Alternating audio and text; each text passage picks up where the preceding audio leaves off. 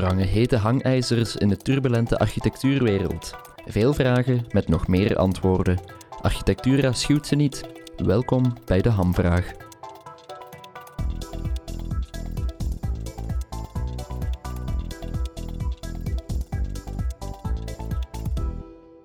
Dit is een podcast van Architectura, mede mogelijk gemaakt dankzij Finstral, Van der Zande en All Colors of Communication. Ik ben Stef Pennemans en uw host is Rick Neven.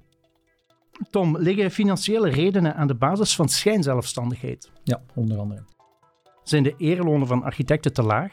Absoluut. Bent u voorstander van de verplichte stage? Niet noodzakelijk.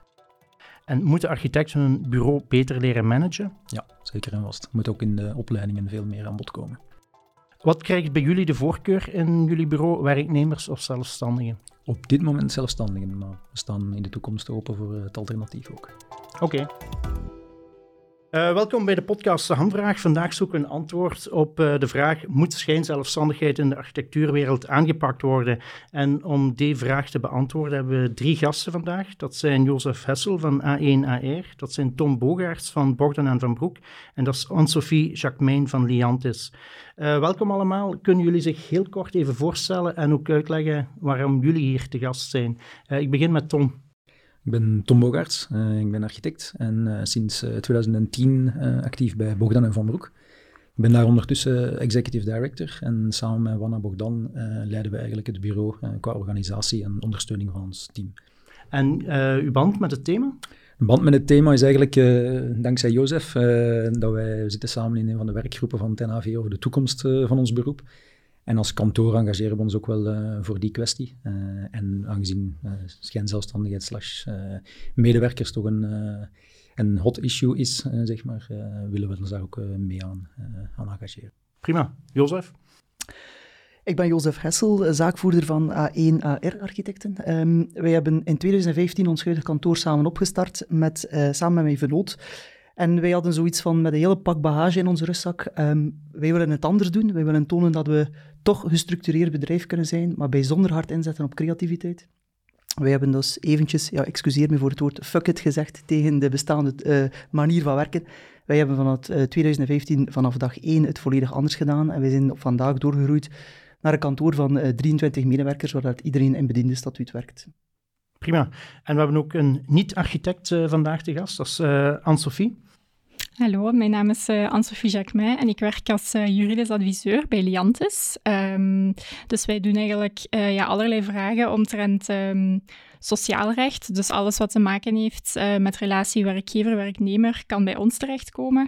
Um, en ik ben vandaag uitgenodigd op de podcast om de hamvraag ja, vanuit juridisch standpunt een beetje verder toe te lichten. Prima.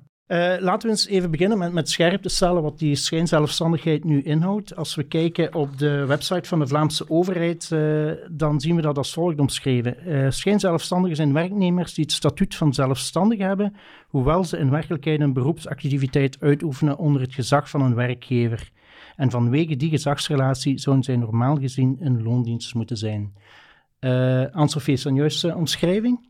Uh, ja, toch wel eigenlijk. Dus um, een schijnzelfstandige is eigenlijk iemand, um, ja, eigenlijk een werknemer die zich ten onrechte het statuut van zelfstandige heeft toegeëigend. Uh, omdat er in werkelijkheid eigenlijk prestaties verricht worden uh, met een arbeidsovereenkomst onder het gezag van een werkgever. Um, dus dat is eigenlijk ook een beetje het doorslaggevend criterium dat er in de praktijk effectief prestaties geleverd worden in ondergeschikt verband voor een werkgever. dus kort gezegd, het is eigenlijk iemand die zich voordoet als zelfstandige, maar dat eigenlijk in werkelijkheid niet is. Um, dus de medewerker zou eigenlijk in loondienst moeten werken, maar de partijen hebben er bewust of onbewust voor gekozen om dat niet te doen. Um, nu, die constructie van schijnzelfstandigheid wordt eigenlijk wel gezien als een vorm van sociale fraude, dus het is wel uh, ja, gevaarlijk en daar moet je zeker en vast mee opletten, omdat het dus wel uh, zwaar gesanctioneerd kan worden. Um, om het concept uh, schijnzelfstandigheid misschien ook een beetje meer in detail of volledig te begrijpen, um, kan ik misschien ook even kort het verschil uitleggen tussen de statutenwerknemer en zelfstandige. Um, dus ik heb het al een beetje gezegd, bij een werknemer werk je eigenlijk met een arbeidsovereenkomst. Dus je gaat eigenlijk prestaties verrichten en vooral van belang is dat er dus een ondergeschikt verband is. Dus je hebt enerzijds de werkgever die in de mogelijkheid is om instructies te geven, die dus bevelen mag geven aan de werknemer en de werknemer moet die dan ook uh, ja, hoe dat de werkgever het wil uitvoeren. Uh, dat is eigenlijk een heel groot verschil met een zelfstandige, want een zelfstandige, ja, daar is natuurlijk geen arbeidsovereenkomst, dus die is eigenlijk een beetje zijn eigen baas. Um, de contractvrijheid staat eigenlijk centraal in die samenwerkingsvorm, wat dus ook wil zeggen dat hij niet mag handelen volgens instructies van een werkgever. Um, dus dat is eigenlijk het belangrijkste onderscheid tussen beide statuten. Um, in theorie is het dus eigenlijk ja, heel duidelijk. Je hoort mij verschillende keren herhalen. Die band van ondergeschiktheid is heel van belang. Uh, maar in de praktijk is het eigenlijk niet altijd even gemakkelijk om um, binnen één samenwerkingsvorm um, de juiste sticker of het juiste statuut op de samenwerking te plakken. Hoe komt dat? Omdat we in de praktijk heel vaak zien um, ja, dat er in een samenwerking zowel elementen kunnen zijn die duiden op een werknemersstatuut als op een zelfstandige statuut. Um, stel bijvoorbeeld iemand werkt volledig zelfstandig, um, bepaalt dus zelf hoe dat een bepaald project ingevuld wordt, um, van, van waaruit wordt ook zelf gekozen uh, wanneer dat eraan gewerkt wordt. Maar de opdrachtgever of de werkgever vraagt bijvoorbeeld ook om, net zoals de rest van het personeel, om verlof op een bepaalde manier aan te geven, zodat ze daar ook rekening mee kunnen houden um, met de werkzaamheden. Ja, dat zijn eigenlijk zowel elementen die wijzen op een werknemersstatuut als op een zelfstandige statuut. En dan kan het al een keer voorkomen in de praktijk mhm. dat de werkgever of de opdrachtgever ja, onbewust eigenlijk um, de samenwerkingsrelatie fout gaat kwalificeren. Mm um, ja, dat is een hele goede basis. Uh, Tom, kunt jij uh, dat erkennen? En is dat in de architectuurwereld ook zo? Want uh, Anne-Sophie heeft het nu gewoon in het algemeen geschetst. maar in de architectuurwereld komt het precies meer voor dan, dan in andere sectoren. Hè? Ja, dat klopt. Het komt, komt inderdaad vrij veel door. Ik denk nog altijd de meerderheid die, die werkt als, zelfstandig medewerker. Um, bij ons op kantoor ook. Grotendeels heeft te maken, denk ik, met ook de stukje de vrijheid van, van de medewerkers om uh, zelf nog eigen projecten te doen. Uh, Want dikwijls is ook een keuze van de werknemer zelf. Ja, klopt. bij de sollicitatiegesprekken merken wij dat die vraag komt. en tot op heden is het bij ons allemaal zelfstandig medewerkers. Sommigen geven nog les naast hun activiteit bij ons op kantoor. En ik denk, de nuance die misschien voor ons van toepassing is, is dat er um, die, die gezagsrelatie, die is er bij ons niet. Wij zijn een heel horizontaal gestructureerd bureau. Um, het is echt een, een, cultuur van samenwerking. Um, dus in die zin, die relatie van een meerdere die effectief bevelen geeft, zoals ik het u hoor uh, verwoorden, dat is bij ons niet het geval. Er is één gemeenschappelijk doel en daar gaan we eigenlijk allemaal samen naartoe. Mm. En uiteraard zijn er verschillende profielen bij ons op kantoor en, en mensen die een, een, meer verantwoordelijkheid hebben uh, dan mhm. anderen. Maar op het einde van de rit is, is in de samenwerking bij ons is, is de overeenkomst dat uh, de, de zaakvoerders, Wanne en, uh, Leo, mm. Wanne ja. Bogdan en Leo van Broek... Als, als je zo'n een, horizontale structuur hebt binnen een architectenbureau, uh, mm -hmm. is dat voldoende om het niet meer als schijnzelfstandigheid te categoriseren? Of, um... ja, op zich is het sowieso beter um, om vanuit inderdaad een horizontale samenwerking samen te werken. Dus ik hoor u vertellen dat je eigenlijk allemaal een beetje op gelijke voet handelt, dat er niet echt instructies van werkgever naar het personeel gegeven worden.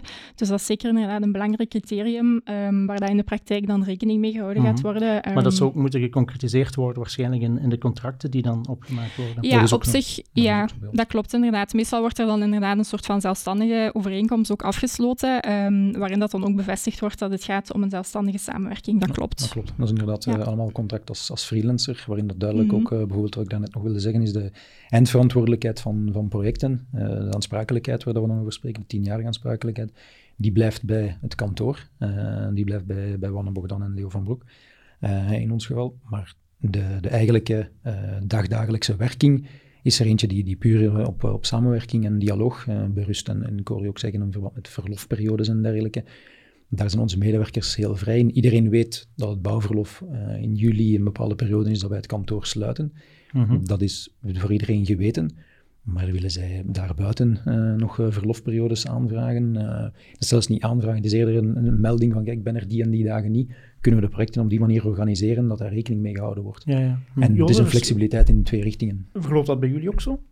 Nee, wij hebben vanaf dag één resoluut gekozen voor een ander systeem, omdat we ervan overtuigd zijn dat we daar een, een bepaalde structuur, een bepaalde zekerheid mee in ons kantoor kunnen inbouwen, um, waarbij dat we en een gezagscultuur wat u het woord, een gezag... Ja, een gezagsrelatie. Een gezagsrelatie, voilà. Een gezagsrelatie ja. klinkt heel conservatief en ouderwets. Wij zijn een mhm. heel open kantoor.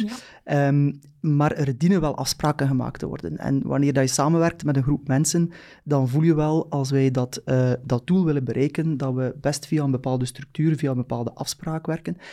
Maar eigenlijk gaat het niet zozeer voor ons over die, zijn we nu schijnzelfstandig of niet. Het gaat veel, veel meer voor mij over het maatschappelijk verantwoord ondernemen. En daar, we zijn heel, als architecten heel sterk bezig met maatschappelijke um, uh, meerwaarde die we kunnen realiseren. Maar ik vind persoonlijk dat er nog veel te veel architecten vergeten dat het, eh, de maatschappelijke eh, meerwaarde moet starten in je eigen kantoor. En dat je eigenlijk zorg moet dragen voor je medewerkers, voor je team, dat je die een toekomstperspectief moet geven. En ik zie nu toch op de laatste jaren een enorm groot verschil tussen uh, vroeger stagiairs die op zelfstandige basis en heel vaak eigen projecten uh, wensten bij te nemen, uh, met jonge mensen nu die willen doorgroeien in een kantoor. Die wil, ik, ik las op de trein naar hier nog een artikel in de tijd, waarbij dat een, een, professor uitleg gaf van vergeet het um, dat, we, dat we elk onze eigen weg en constant van job wil gaan veranderen. Als modern bedrijf zorg je ervoor dat je kan doorgroeien, dat er perspectief is, dat je zekerheid hebt. Um, en dat merk je ook. Wij zijn een zevental jaar later na onze uh, um, uh, oprichting. Wij hebben uh, heel wat dames in ons kantoor. En uh -huh. uh, dat hangt één op één vast met het uh, statuut dat we aan, uh, aanbieden en dat we eigenlijk ook verwachten. We zien dat er bijzonder veel kwaliteit uit het beroep stroomt um, op een bepaalde leeftijd. En wij kunnen die aanhouden omdat die personen, die mensen, kunnen doorgroeien in het kantoor, carrière kunnen maken, zonder dat daar dat zelfstandig statuut aan vasthangt. Uh, het probleem van de schijnzelfstandigheid kan ook niet in verband gebracht worden met het probleem van uh, het gender-onevenwicht in de architectuurwereld. Want ik heb de indruk dat heel veel vrouwelijke architecten op hun dertigste uit het beroep stappen. En heeft dat niet ook vooral te maken met uh, dat probleem van die schijnzelfstandigheid? Ik, ik, start binnenkort met een, een, lesopdracht aan de KU Leuven. En als ik zie in het laatste jaar master, uh, uh, zitten uh, de, over, de, de, grote meerderheid van de studenten die daar zitten, zijn dames. Wanneer ik in de architectensector ehm, de uitvoerende architecten tegenkom die bezig zijn met een, met een bureau en op langere termijn, dan kom ik daar jammer genoeg heel veel heren tegen. En je ziet heel vaak in de realiteit dat dames, ja uh, aan 28, 30, 32, 35 heel vaak samenhangt met de zwangerschap uh, die, uh, die zijn intrede doet, dat die dan beslissen om het beroep te verlaten. En daar zijn een aantal um, oorzaken. Eén, het enorme flexibele gedrag die gevraagd wordt van medewerkers. Maar twee, ook het statuut. Ja, je wil ergens, en dat is nu eenmaal um, eigen aan de man en de vrouw, een bepaalde sociale zekerheid. Je wil zeker zijn um, over bepaalde elementen. Een heel simpel extra legaal voordeel die in ons uh, bediendenstatuut zit bijvoorbeeld een hospitalisatieverzekering. Ja, dat is nu eenmaal voor dames bijzonder belangrijk. En dan zie ik dat wij met ons kantoor van de 23 mensen met uh, uh, ja, met vijf heren zijn en, en 18 dames. Um, en dan kan ik niet anders dan besluiten dat er inderdaad een, een, een, belangrijk onderdeel ligt. Dat er heel veel kwaliteit, bijzonder veel kwaliteit, het beroep uitstroomt. Enkel en alleen door, die, ja, door dat zelfstandig statuut, die schijnzelfstandigheid, die, het gebrek aan sociale zekerheid. En dat is een ja, dat is niet vast voor onze architectuursector. En Sophie, die onzekerheid die samenhangt met uh, zelfstandigheid, is dat een groter probleem bij, bij vrouwen dan bij, bij mannen? Ja, ik denk het wel. Allee, er is net ook al een goed voorbeeld van de hospitalisatieverzekering aangehaald. Ik denk dat het inderdaad ook een beetje de combinatie is van en het feit dat uh, architecten heel veel uren inderdaad presteren en dat niet uh, noodzakelijk alle uren ook um, doorverrekend worden in de verloning. En als dat dan inderdaad gecombineerd gaat met ook nog een gebrek aan sociale bescherming, ja, dan denk ik wel dat, dat je een bepaalde levensfase, zoals bijvoorbeeld bij de geboorte van een kindje, ja, wel een beetje als een, als een verlies kan ervaren als, als medewerker. En dat ze dan inderdaad wel voor een uitstroom um, kan zorgen. Ik denk wel dat daar een link is. Ik pleit voor veel meer uh, vrouwen van 40 en 45 in de architectuursector. En ik denk dan dat het ego, waar dat Tom naar verweest, al een deel zou zakken. En dat we dan veel uh, pragmatischer met elkaar kunnen omgaan. En dat we dan ook al een goede stap in de, in de, in de richting zetten van een ideale architectuur. ik denk dat we dan ook nood hebben aan meer vrouwelijke uh, zaakvoerders in architectenbureaus. Zoals bijvoorbeeld zoals bij inderdaad Oana, ja, voilà. Oké. Okay. Het valt mij op dat uh, als het over schijnzelfstandigheid gaat, het heel dikwijls uh, over architecten gaat, dat dat veel minder het ja. geval is bij, bij andere beroepsgroepen. Waarom komt dat bij architecten zoveel meer voor dan bij andere groepen? Um, ja, ik denk dat het uh, inderdaad vaak gelinkt wordt aan de architectensector, omdat je daar ook zit met een um, verplichte architectenstage, waarin dat een soort van algemeen gebruik is dat personen aangeworven worden onder het statuut van zelfstandige of daarin starten en dan uh, na de stage waarschijnlijk ook doorgroeien in het statuut van zelfstandige. Um, maar dat het niet in alle architectenkantoren effectief zo is dat uh, ja, die vrijheid in de arbeidsrelatie dat die ook overeenkomt met de realiteit. Ik denk dat architecten architecten heel vaak um, ja, toch uh, onder een bepaald gezag van um, de opdrachtgever van het kantoor dan werkt. Ze werken ook heel veel uren, lange dagen. Um, de, de uren worden ook niet allemaal verloond naar de prestaties die verricht worden. Dus ik denk dat dat wel iets typerend is voor de architectensector. als ik het dan ook even mag vergelijken met mijn eigen sector. dus we hebben in de, in de advocatuur eigenlijk een gelijkaardig uh, iets. Uh, dus als je eigenlijk wil starten als advocaat aan de balie, is er ook een, een verplichte driejarige advocatenstage die je moet gaan doorlopen. En dat is denk ik een beetje vergelijkbaar um, met uh, de architectensector, omdat je start daar ook eigenlijk in, het zelfstandige statuut. Ook al komt dat in de praktijk niet altijd overeen met hoe dat de arbeidsrelatie um, georganiseerd wordt. Mm -hmm. Jozef, um, Antof heeft het ook aangehaald, het heeft ook heel veel te maken met, met de verloning.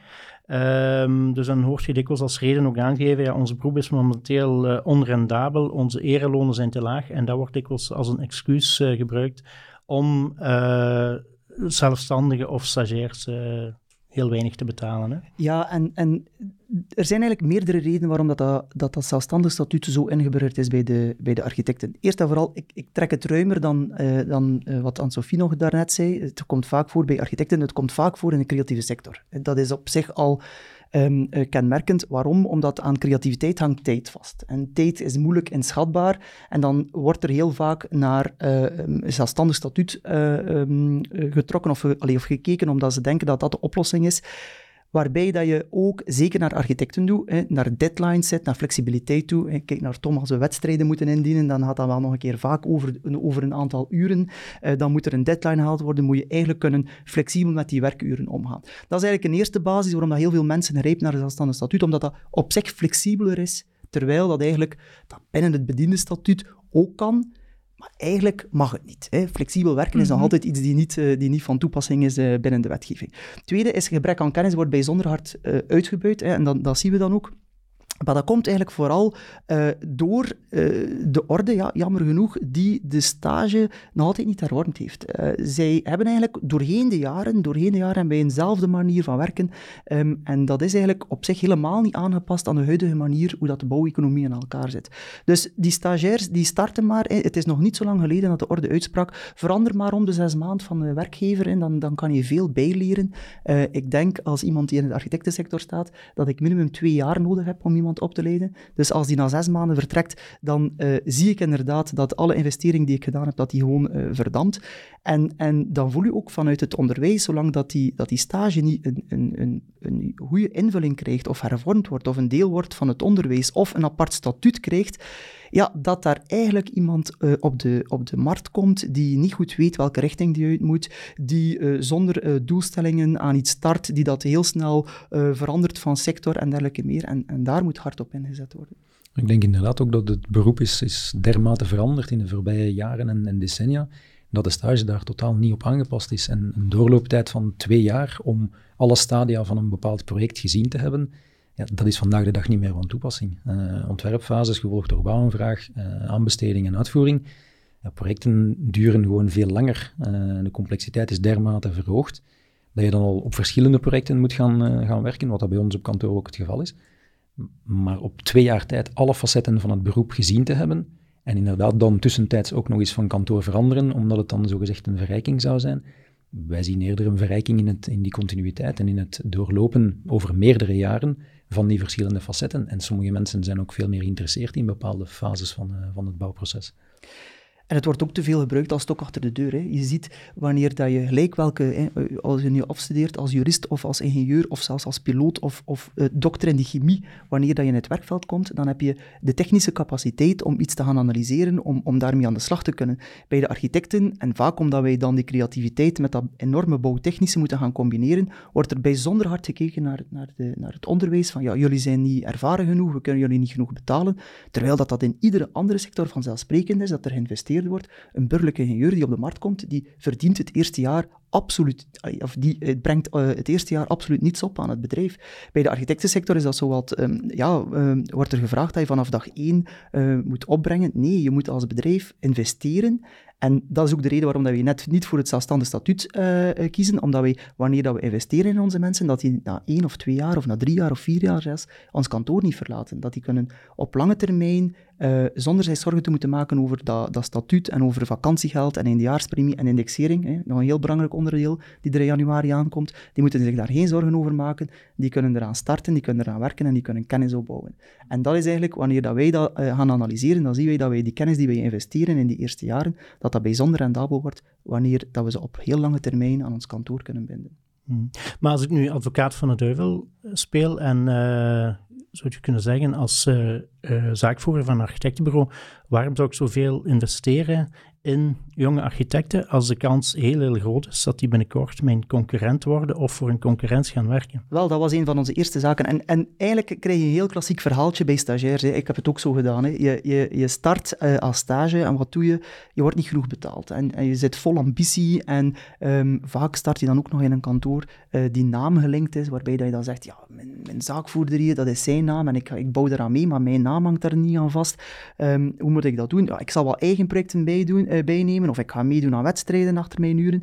En dan zie ik in de realiteit, in, in in mijn tijd, en ik, ik merk met heel veel mensen met wie ik spreek dat dat uh, uh, bevestigd wordt, ja, dat je eigenlijk, uh, als je niet goed weet hoe dat allemaal gemanaged wordt, en, en, Tom zei in de eerste vragen van, moet een architectenbureau meer gemanaged worden? Ja, um, wel ja, die, die student die komt op de markt en zonder dat hij iets van het beroep kent, die moet het beroep leren, die moet de technische, de technische um, aspecten van het beroep leren, die weet ook niet hoe dat hij moet ondernemen, die doet dat allemaal tegelijkertijd, zonder enige vorm van inzicht. Uh, wat doe je eigenlijk wanneer dat je dat een jaar aan een stuk doet? Dan ben je 7 op 7 aan het werk, alles door elkaar. 7 op 7 kan niemand werken. En dan begin je eigenlijk enorm onrendabel te worden op je kantoor. Heeft het ook niet met het onderwijs te maken? Dat in het onderwijs zozeer de nadruk ligt op het uh, creatieve aspect en te weinig op het uh, management? Uh... Nee, absoluut niet. Nee? Ik vind dat een veel te gemakkelijke uitvlucht. Um, wanneer dat je ondernemer wordt, is dat een keuze. En niet iedere architect die afstudeert, die moet opgevoed worden of opgeleid worden als ondernemer. Een ondernemer, dat is iets dat je doorheen de jaren leert, dat je doorgroeit in een bedrijf waarbij dat je interne opleiding volgt, dat je ook een bepaald buikgevoel doet, maar dat moet doorheen de jaren gevoed worden, je moet daar matuurder door worden en dan moet je pas gaan ondernemen. Iedereen gaan opleiden als ondernemer is helemaal niet noodzakelijk. Je moet, creativiteit is het allerbelangrijkste voor een architect. Mm Oké. Okay. Um, Tom, het, het, feit van die, dat er zoveel uh, zelfstandigen zijn en, en schijnzelfstandigen, zorgt er ook voor dat er heel veel uitstroom is van, van talent in, in bureaus.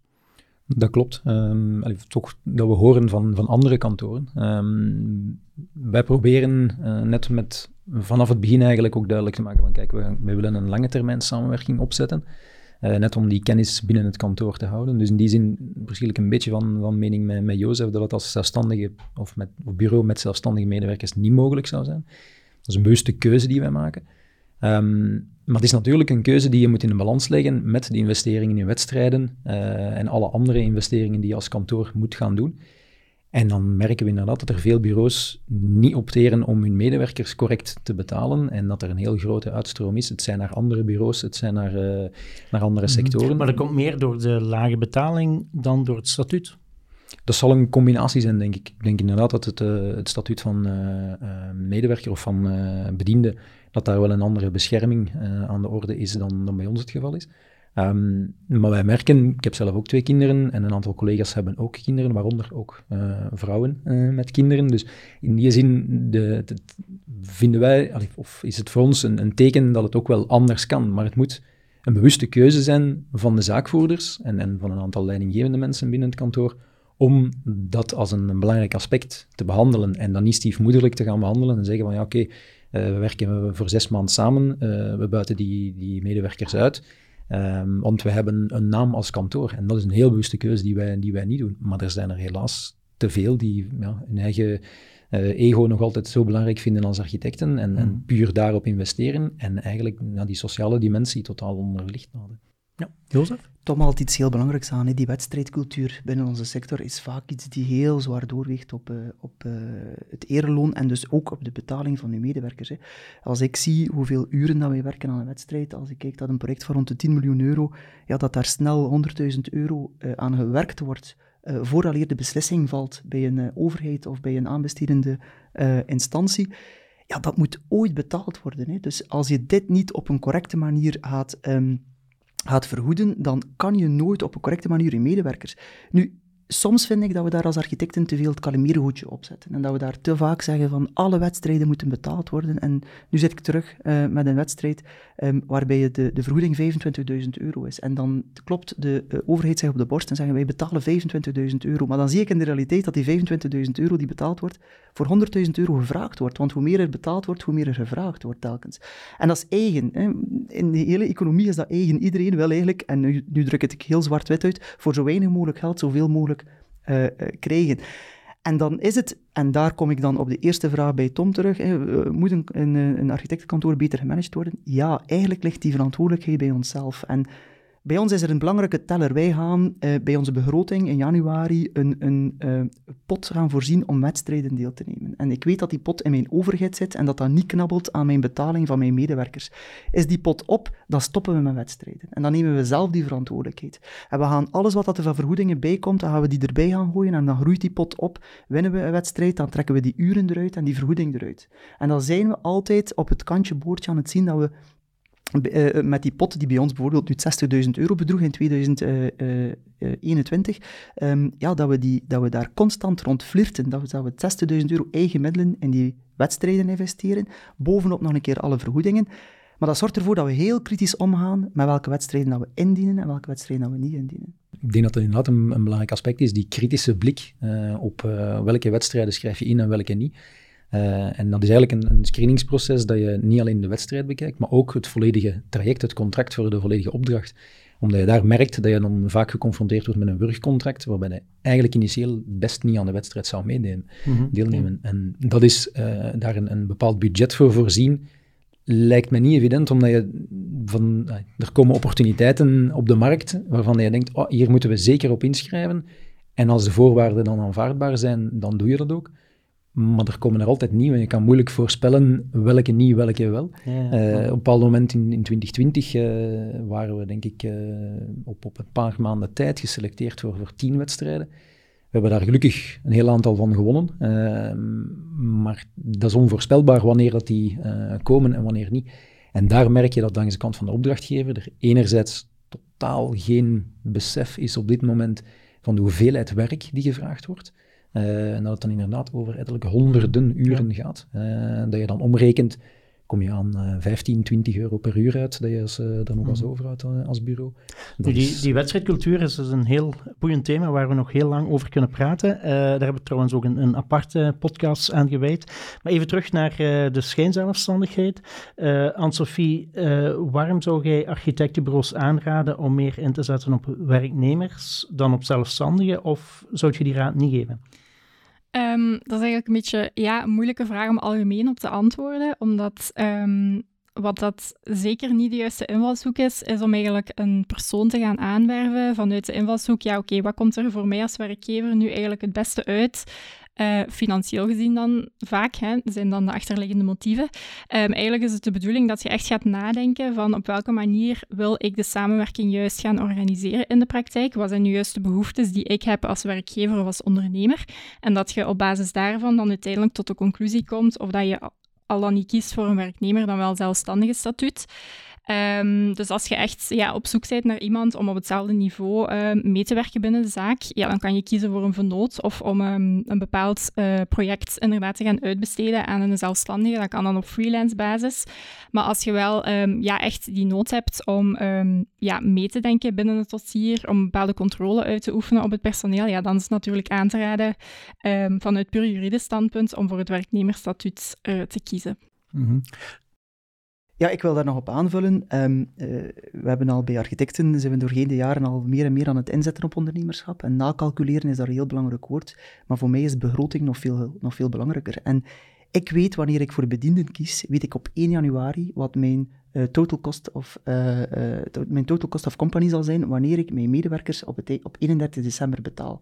Bij zelfstandigen heb ik daar veel minder zicht op. En dan gebruik ik nogal vaak eh, de, de boutade, en ik weet dat die heel zwart-wit en wat op flessen getrokken is, maar een architect die in een kantoor werkt en die aan het verbouwen is, dan zie je die de helft van de tijd. En wanneer dat de facturen binnenkomen van die verbouwing, dan komt die plots anderhalve uh, uh, maal tijd. En ik weet op voorhand, op 1 januari weet ik, wat is mijn kost hier, wat staat er van eerloon die binnenkomt dit jaar, hoe kan ik dat ten opzichte van elkaar gaan verhouden, hoe kan ik uit het verleden leren hoeveel eerloon dat er nog bij komt, dat ik vandaag nog niet weet.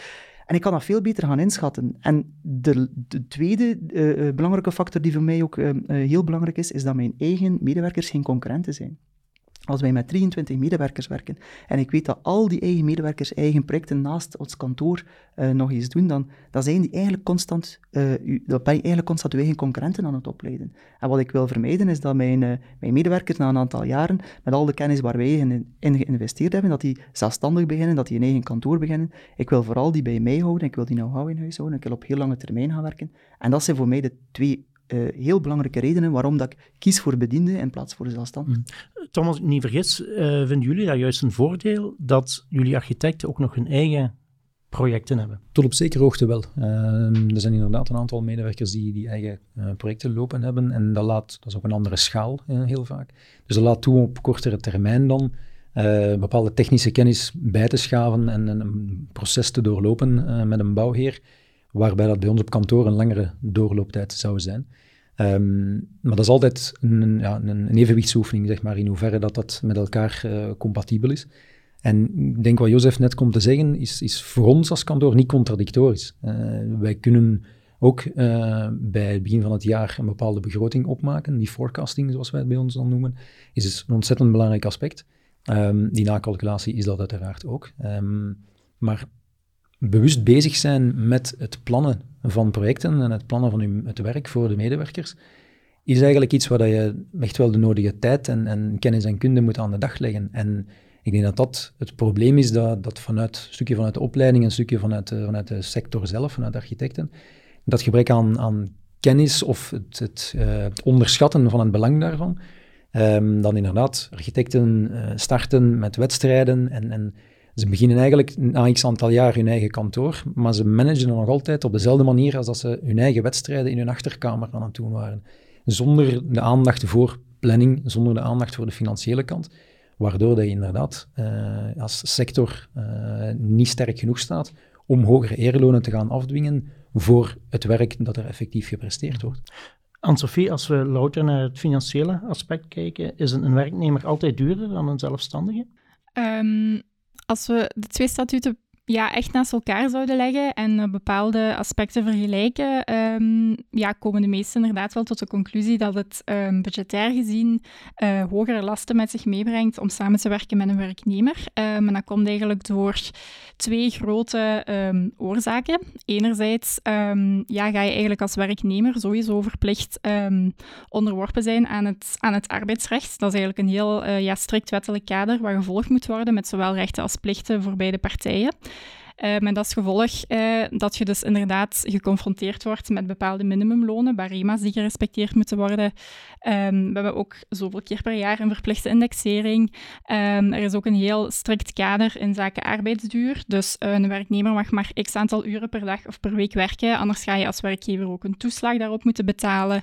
Um, maar dat is theorie, maar in de praktijk zie ik toch dat heel veel architecten veel meer uren kloppen en daar niet altijd voor betaald worden, denk ik. Klopt dat? Of niet? Dat is toch iets wat wij proberen echt wel aandachtig op te zijn. Uh, omdat we ook net vanuit dat perspectief van die lange termijn weten dat als wij onze medewerkers gaan vragen om elke dag uh, 10, 12 uur te werken en af en toe nog weekends erbij ook nog, ja, dan hou je ze geen 5, 6, 7, 8 jaar op kantoor, zoals bij ons wel het geval is. Als je gaat, uh, ik beschouw het dan ook een stukje als, als uitbuiting, of, uh, dat, is gewoon niet houdbaar. Dat is geen duurzame samenwerking zoals wij ze voor ogen hebben. alle overuren worden... Elk uur wordt betaald. Ja. Elk uur mhm. wordt betaald voor alle medewerkers. Vandaar dat het ook zo belangrijk is voor ons om dat goed te plannen. Omdat we dan ook weten, we kunnen niet gewoon zeggen van ah ja, 600, 700, 800 euro per maand vast, zoals bepaalde kantoren effectief blijken te doen. En dan vragen om 200, 300 uur per maand te gaan spenderen, ja, dat is gewoon absurd. En dat is iets wat, dat, dan gaat het mij meer een, een probleem dan uh, dus de kwestie van schijnzelfstandigheid of niet. Ik denk dat die sociale uitbuiting, dat dan een veel groter probleem is in, in de sector dan dat uh, het statuut op zich het probleem is. Ja, en, en daar is inderdaad, uh, Tom, sla je de nagel op de kop. Ik was vorige maand voor een aantal startende architecten aan het uitleg geven over welke manieren dat ze konden starten. En daar kwam na, de, uh, na, na, mijn uiteenzetting um, een, een stagiair-architect of een startende stagiair-architect schoorvoeten naar mij toe met de vraag, ja, um, ik heb hier een voorstel gekregen uit de kantoor um, en dat zegt dat ik uh, uh, al mijn maanden hetzelfde bedrag mag factureren. Is dat een goed idee? ja, ik heb haar beantwoord, ja, dat kan een goed idee zijn, maar wat zijn nu concrete bedragen? Dat ging over 2000 euro per maand dat ze mocht factureren. En ze, was, ze vond het vooral heel blij dat ze tijdens het verlof ook die 2000 euro mocht factureren. Ik heb er toen ook aangesproken van, ja, je moet zelf de oefening maken, hoeveel uur zal je werken? Um, uh, ja, mijn mama zegt, deel het door 160. Ik denk, uh, ik heb daarop geantwoord, ja, ik denk dat dat al heel positief is, maar als uw mama dat zegt, wie ben ik om dat tegen te spreken? Deel het even door 160 en kijk waar dat je uitkomt. Ja, dat was erbarmelijk, hè? en dat, dat is ongelooflijk aan welke uh, lonen per uur dat er dan gewerkt wordt. Ik weet, en wij kunnen dat natuurlijk uiteraard niet zeggen, en zeker niet in een podcast, en zeker als er een jurist aan tafel zit van Leantis, maar wij zeggen het toch.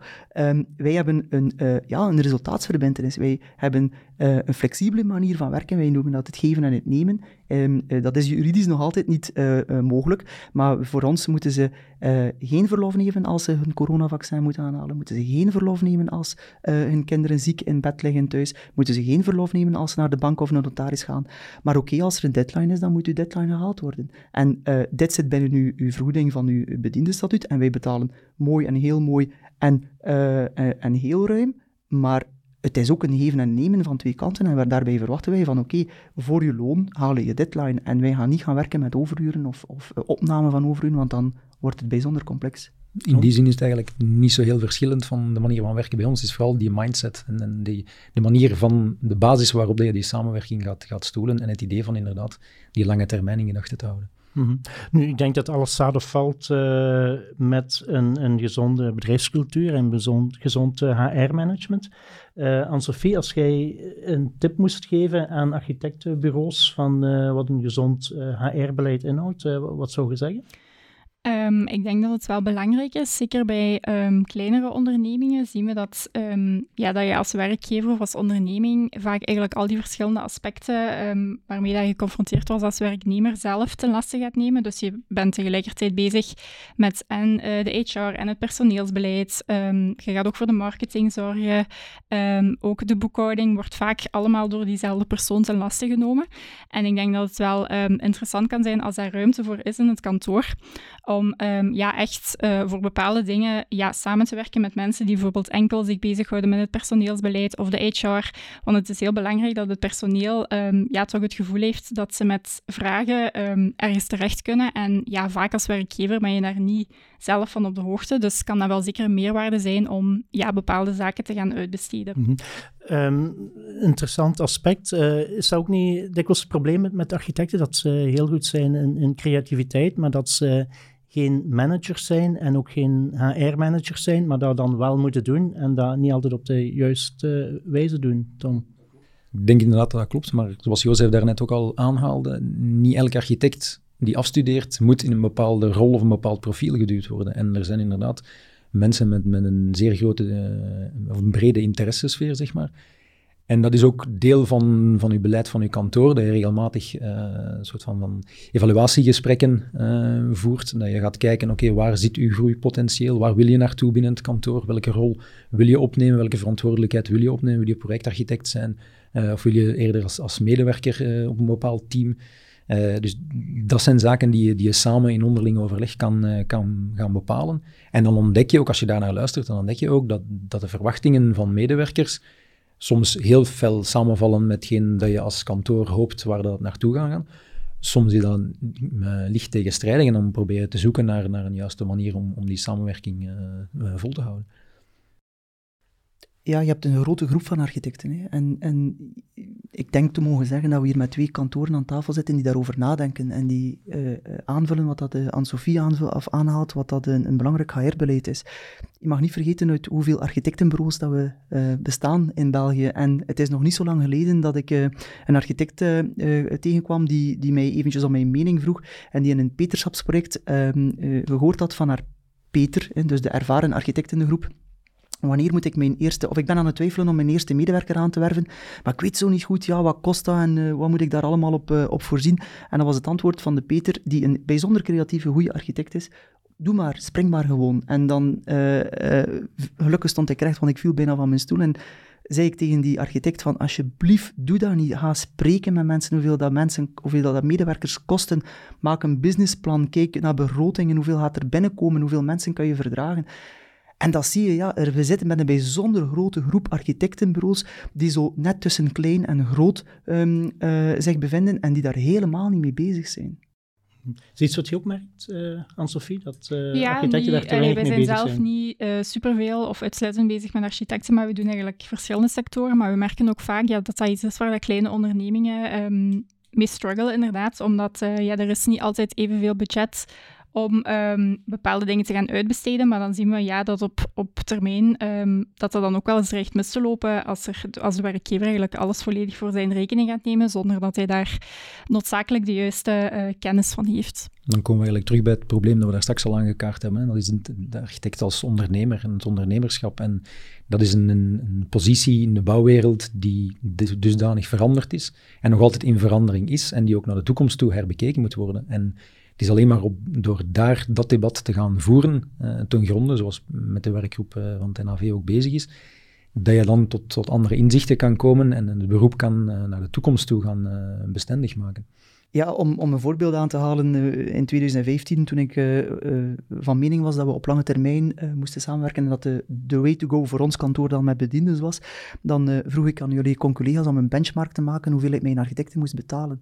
En um, ik had gevraagd, ja, maak een benchmark over Oost- en West-Vlaanderen en, en dan kunnen wij daaruit vertrekken hoeveel wij onze architecten moeten betalen. En een week later kreeg ik telefoon en dan was de melding van, ja, sorry, wij hebben geen gegevens, wij kunnen jullie niks geven. Er is geen data genoeg in onze, in onze database om jullie te zeggen hoeveel dat een architect moet verdienen. Dus geen enkele architect, of bijzonder weinig architecten werden toen in 2015 een bediende betaald. Ik zie op vandaag wel een heel ander verhaal en ik voel toch dat er meer en meer mensen um, uh, ja, zelfs ook mij uh, bellen en vragen, ja, wil je een keer open zijn over uw lonen? Hoe doen jullie dat? Wat, maar het gaat veel meer over een loon. Het gaat over een HR-beleid. Wat is een loon en wat hangt daaraan vast? Wat is het loon dat je betaalt en wat mag je daarvoor terug verwachten? En dat is bijzonder belangrijk. Die duidelijkheid, die openheid, zeker ook naar de medewerkers toe. Die verwachten dat, dat je, dat je kijkt en dat je zegt van oké, jij zal mij iedere maand dit betalen en ik geef u daarvoor alles, of ik geef u daarvoor dat en dat terug. En ben je junior of medior of senior en welke verantwoordelijkheden neem je? En welke uh, taken kan u je toe-eigenen? En welke taken is het belangrijk om met mij te gaan overleggen? En zo zie je dat dat een veel ruimer begrip is. Als ik telefoon krijg van hoeveel betalen jullie? Jullie architecten vraag ik altijd. Heb je een uurtje om even een Zoom of een Teams in te plannen? Want het gaat voor mij niet, oh, ik wil die en ik deel die met iedereen, onze, onze loontabellen. Maar het gaat niet over hoeveel betaal ik mijn medewerkers. Het gaat over wat is ons HR-beleid? Wat heeft de medewerker bij ons dat wij kunnen aanbieden? En wat kunnen wij daarvan terug verwachten? Ik denk dat inderdaad de uitdaging is voor, architectenkantoren om die brug te slaan tussen enerzijds uh, wat dat vroeger de grote kantoren waren, die commerciëler waren en die, die rendabel waren, en de kleinere die creatiever zijn. Ik denk dat daar net de uitdaging ligt om die twee met elkaar te kunnen, te kunnen matchen en te zorgen dat je als middelgroot kantoor, wij zijn geen, met minder dan 20 medewerkers, maar we doen wel grotere projecten ook. Um, en we proberen dat uiteraard op een manier te doen als ondernemer op het einde van het jaar dat je kan winst maken om te herinvesteren, uh, zowel in je mensen als in je, projecten, en om te kunnen gaan verder je kantoor gaan uitbouwen. En ik denk dat daar de grote uitdaging voor, voor veel kantoren ligt. Mm. Ik denk dat dat een goede samenvatting is van, van, eh, van het gesprek, dat je als bureau moet investeren in je mensen. We zijn ongeveer aan het einde gekomen van, van de podcast, maar er staat ons nog één ding te doen en dat is uh, de hamvragen kort beantwoorden. Uh, Anne-Sophie, moet schijnzelfstandigheid in de architectuurwereld aangepakt worden? Um, ja, idealiter wel, denk ik. Um, omdat we ja zien hè, dat in de praktijk um, ja, dat dat statuut van zelfstandige vaak niet overeenkomt met de praktijk. En zoals meneer hier ook zei, ehm, ja, dat er nog te weinig architecten effectief samenwerken met een werknemersstatuut, terwijl dat, wel vaak effectief in de praktijk de relatie is die ehm, tot stand gekomen is. Ehm, ik denk wel dat dat moeilijk wordt om van vandaag op morgen te gaan aanpakken, omdat, ja, ik hoor jullie ook vertellen, er is heel veel concurrentie in de architectensector, dus ik denk wel dat dat echt een collectief engagement uh, vereist. en pas ja, wanneer dat vanuit de volledige sector daar ja, dat iedereen zich achter dezelfde kar gaat zetten, denk ik dat we daar wel um, de vruchten van kunnen plukken om op termijn tot een betere samenwerking te komen met, okay. met personeel. Jozef, moet schijnzelfstandigheid in de architectuurwereld aangepakt worden? Ja, absoluut. Wij zijn niet met te veel architecten, wij zijn gewoon met te veel architectenbureaus. En dat zorgt voor de concurrentie. En die bureaus die zijn die allemaal die uh, zelfstandigen die eigenlijk elkaars concurrent zijn. Maar ik wil eigenlijk nog afsluiten met een, uh, een knuppel in het hoenderhok te gooien en misschien uh, vraagt het enige nuance, maar zijn de eerlonen te laag? Ik ging er bij de eerste vraag nee op geantwoord hebben. En daar voert heel veel nuance bij, want ik weet dat eerlonen eh, bij zonder eh, complexe projecten zeker te laag zijn. Maar je moet er durven leren mee omgaan. Wat is uw uw inkomen die binnenkomt. Dat is een marktinkomen die gelijk is voor alle kantoren. Dat is nu eenmaal de vrije markteconomie.